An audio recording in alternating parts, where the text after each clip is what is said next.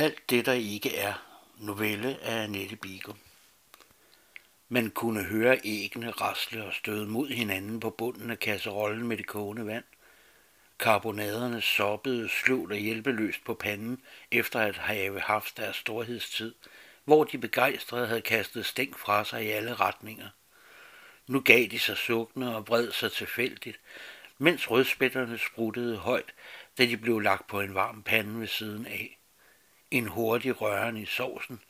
Skulle der lidt tyttebær i? Mere fløde? En tot hår rev sig løs, faldt forover ved panden og fulgte kroppens bevægelser. Friskt smør, persille, hårtotten, irriteret forsøgt pustet væk, så forsøgt skubbet væk med bagsiden af hånden. Sild, frikadellerne var der, kyllingestegen med sprødt skin, det sure og de brunede kartofler. Johannes elskede hendes brunede kartofler. Hun så ned af sig, mens hun med en langsom bevægelse strøg hænderne ned over forklædet, der sad stramt hen over hende. Og nogle steder fik det hvide stof til at krølle ivrigt og blive til hvide bølger, der kom rullende efter hinanden og skubbede hinanden fremad. Frem efter, hen over barmen og maven. Hænderne forsøgte med hurtige bevægelser at glatte bølgerne på forklædet ud og fjerne dem så hænderne over tændingerne i et forsøg på at sætte utærlige totter på plads. Tallerkenerne stod på snorlige rækker på den hvide du. Bestikket skinnede, og servietterne havde kniblinger. Glasset blev sat på plads igen, efter at have været løftet højt op mod lyset og set efter for pletter. Hænderne var brugte, kunne man se, da den ene hånd et øjeblik hvilede på duen. Hun stoppede ved et af billederne, vurderede, rettede på det, tog billedet af det lille søm. Snoren var gullig og mørnet. Det var et gammelt billede, der havde hængt på den samme plads i mange år. Der var en lille plet, nej to, på glasset. Lidt nænsomt med en negl, lidt knopen, med en snip af forklædet, og pletterne ville være væk. Forsigtigt gniden på glasset, de var der endnu. Hun overvejede at spytte på onkel og tante for at få pletterne væk. Lod være, men tørrede i stedet lidt støv af børnebørnene, der begge var i matrostøj. Nej, det var da ikke børnebørnene. Hun så på de gulmede matrosbørn, der stod bag glasset, rammet ind i en mahoniramme. De to matroser så tilbage på hende. Det var da hendes mors mor med sin bror hun lå lidt og rystede på hovedet af sig selv. Hun plejede ellers nok at vide, hvem der var hvem, og hvor hun kunne finde de forskellige. Hovedet blev lagt bagover for at finde de rigtige børnebørn længere oppe på væggen. Flætningen, der var snoet op ved nakken, var sat fast med hårnåle, så det lignede en lille flettet hat skubbet om i nakken. Gav sig i sin snoning ved bevægelsen med hovedet bagover. Der var de jo, børnebørnene. Et hurtigt ryg med hovedet i begejstring over billedet af børnebørnene, så hårnålene måtte give sig og gav slip på flætningen, der faldt tung og lang, som den var, ned ad ryggen. De rigtige børnebørn var i en af rammerne længere oppe over billederne fra en rund fødselsdag, lagt sammen med et af oldebørnenes barnedåb i en gylden ramme. Ved siden af moster og onkel med nevøerne jæser og få skridt længere henne i retning af køkkenet var kusine med mand. Rødmen bag de i forvejen røde og varme kinder, da hun stoppede, da hun stoppede ved deres bryllupsbillede.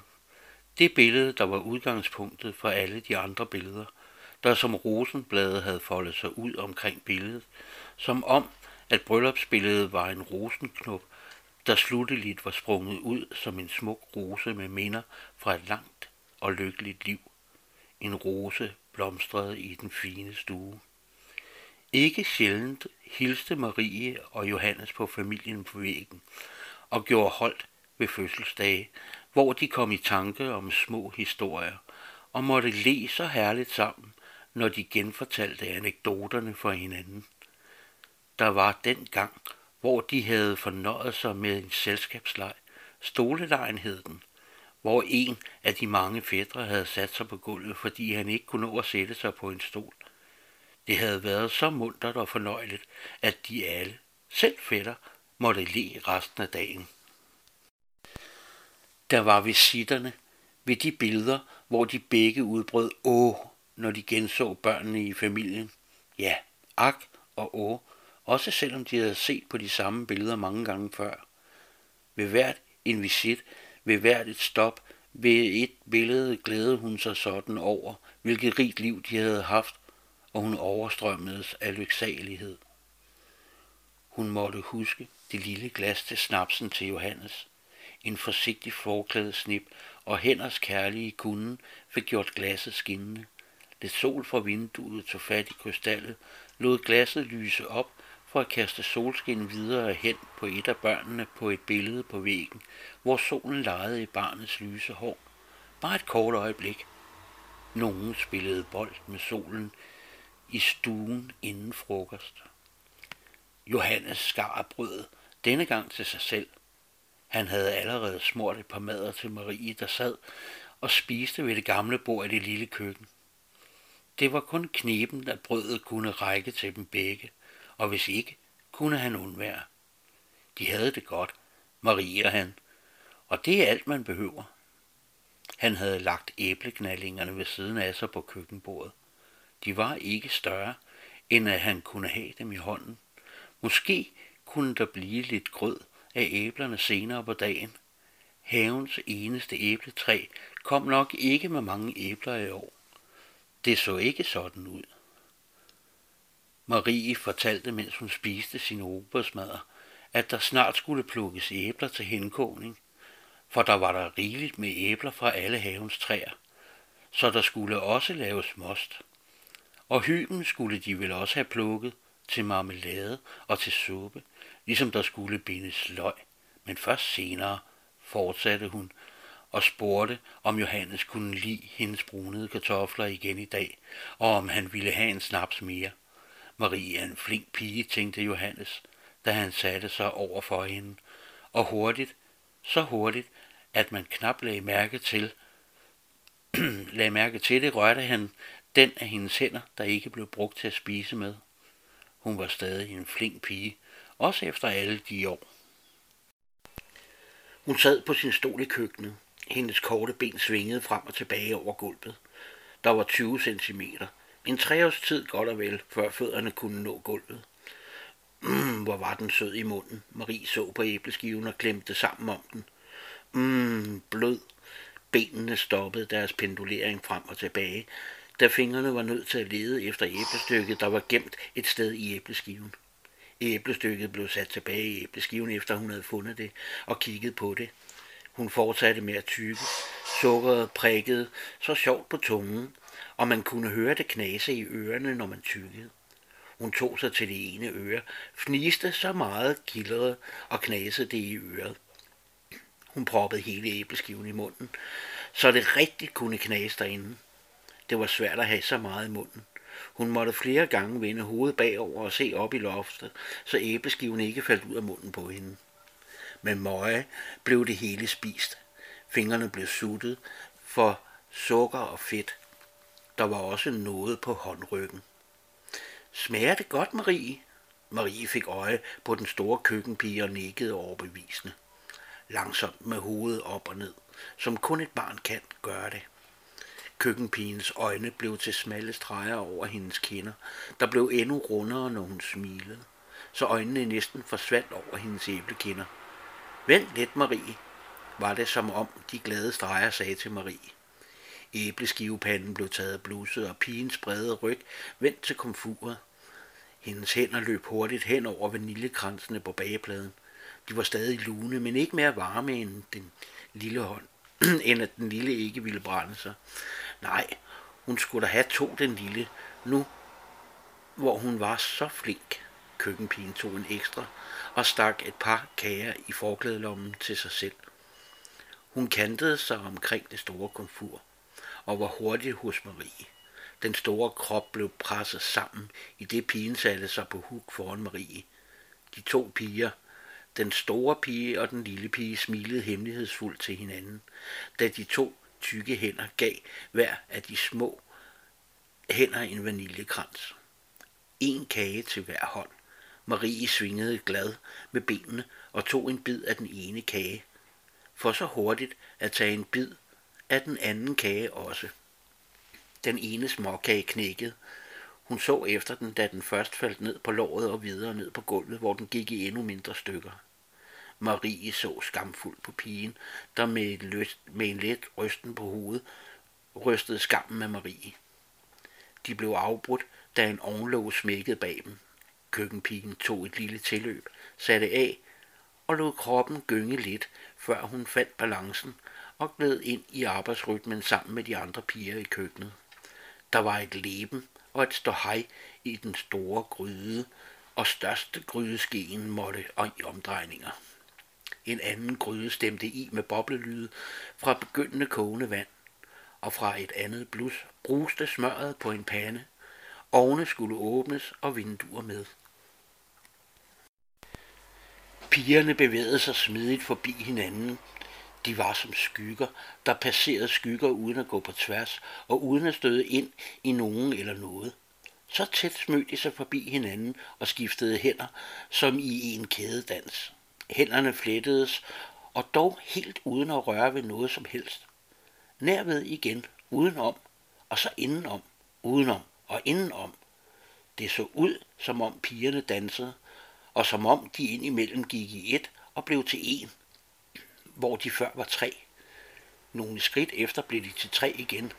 De gjorde arbejdet lette sådan, og ved at danse på den måde, gav de mest plads til sig selv og de andre, og til gryder, pander og terriner, skåle og fade og hvad der ellers hører et køkken til. Den store køkkenpige satte æbleskivepanden tilbage på blusset, tog en æbleskive, delte den i tre for at lade de to andre piger smage også. Skulle der lidt mere sukker i dejen? Pigerne var enige og kunne heller ikke se noget i vejen for, at Marie var i køkkenet. Hun havde det jo godt i køkkenet, var så kær, og den stakkel havde jo så meget at kæmpe med. Hvem vil ikke have det svært, hvis man er vokset op uden en rigtig mor? Nogle mente, at de kunne se det samme vanvid hos Marie, som de havde set hos Maries mor. Hun led Marie, og var allerede ved at blive et op indenfra, af det, der engang havde været hendes mors opsagribende sindssyge. Maries mørke hår lå som en mørk tordensky omkring hendes hoved. Se engang, det er djævnens sorte glorie, viskede der i krone. Og der var, og der var ansigtets tynde hud gennemsigtig, som alt for tynd mælk, der gav det indtryk, at så man for længe på Marie, føltes det, som om man så lige igennem hende, og i virkeligheden så på noget, der slet ikke var. De sladervognernes historier gik på, at Marie nu og da så ting, som slet ikke var, og at hun kunne se djævleværk og andet dæmonisk, som ingen andre kunne se. Især køkkenpigerne farede sladeren væk. Væk, væk, hurtigt væk, som når de farede skidt og møg væk fra gulvet. Marie kunne kun akkurat nå gulvet med tåspidserne, da hun strakte sig for at lade sig glide ned fra stolen og tog sine første skridt i det store køkken. Hun vidste snart, hvad der stod på alle hylderne, hvad der var i skuffer og skabe, ligesom hun hurtigt lærte, at man ville koge et blødkogt, at ville man koge et blødkogt æg, skulle ægget koge i den tid, det tog at sige fader fadervor to gange. Hun lærte, med tiden, hvordan man plukker en høne, hvordan man flår rødspætter, hvordan man stopper en medister, og hvordan hun kunne få det mest besværlige fromage til at blive stående. Marie kunne lige så let som køkkenets puls, komfuret, undværes i køkkenet. Hvad siger Marie? Prøv at spørge Marie. Sådan blev der sagt. De florlette gardiner blev rettet med en let hånd. Marie strøg hånden kærligt hen over den hvide du, der var lagt på det lange bord i storstuen. Det hele var så fint i stuen, og bordet var dækket så omhyggeligt og nydeligt i dagens anledning. De ventede bud på gården, og Marie glædede sig, som var det hende, der ventede gæstebud. Gæsterne ville komme i deres fineste pus, snakkende og leende. De ville sætte sig om bordet og spændte vente på, at maden blev serveret. Marie ville sætte pigerne ind, en efter en, så de kunne servere maden for gæsterne. Der ville gøre store øjne over den veltilberedte mad. Efter middagen kunne det være, at hele familien ville lege en selskabslejr og fornøjeligt bruge tiden, sådan inden kaffen. Det ville blive en dejlig dag. Marie stod ved den fine stues langvæg. Hun så på billederne af den store familie. De var der alle. Johannes stillede sig ved siden af Marie. Han kunne ikke længere huske, hvem der var på billederne, eller hvornår hver enkelt billede var fra. Hun greb hans hånd, klemte den, så på ham og grinede højt, mens hun snakkede om familien og fortsatte med at grine, da hun fortalte om en leg, de havde leget for mange år siden. Hun slap hans hånd for at tørre næsen, når gråden trængte sig på. Så rødmede hun, så det var tydeligt at se, at der stadig sad en ung pige inde bag Maries gamle og furede ansigt. Alle æblerne var kogt ind til en stor portion grød. Det revne rugbrød og sukkeret havde hun ristet og vendt i smør på panden. I morgen, meget tidligt, ville hun hente fløden op fra den kolde kælder. Flødeskum. Ikke for lind og ikke bare i nærheden af smør til den søde grød og ristebrødblandingen. Der var lagt lag på lag så mange gange, at man måtte tælle på fingrene, hvis man ville tælle alle lagene. Ingen kunne lave en æblekage som Marie, og det var sikkert rygtet for flere dage siden, at hun og Johannes ventede gæster. Marie så forventningsfuldt på Johannes, der sad på stolen ved siden af hendes seng, hvor hun lå og fortalte om æblekagen. Jo, han glædede sig også til at få besøg af familien. Han havde siddet ved hendes seng mange gange før, mens Marie fortalte om stort og småt. Hun kunne pludselig falde i søvn, mens hun var ved at fortælle. Han rejste sig, bøjede sig ned over hende for at lægge tæppet tættere om hende. Ved bevægelsen faldt en tot hår ned over Maries ansigt. Et par fingre snodede hårtotten bag om Maries øre, hvor det løsrevne hår blev hæftet fast med en af de hårnåle, Johannes altid havde i lommen. Ryggen værkede, da han rettede sig op for at gå de få skridt over til sin egen seng, hvor han trak tæppet op over sig. Tidligere på dagen havde Johannes lavet lidt grød af småæblerne, han havde plukket. Måske de begge kunne få lidt æblegrød i morgen. Jeg ser på billedet af Marie og Johannes, mine forældre. Det hænger på væggen sammen med alle de andre billeder, der danner rammen om mit liv.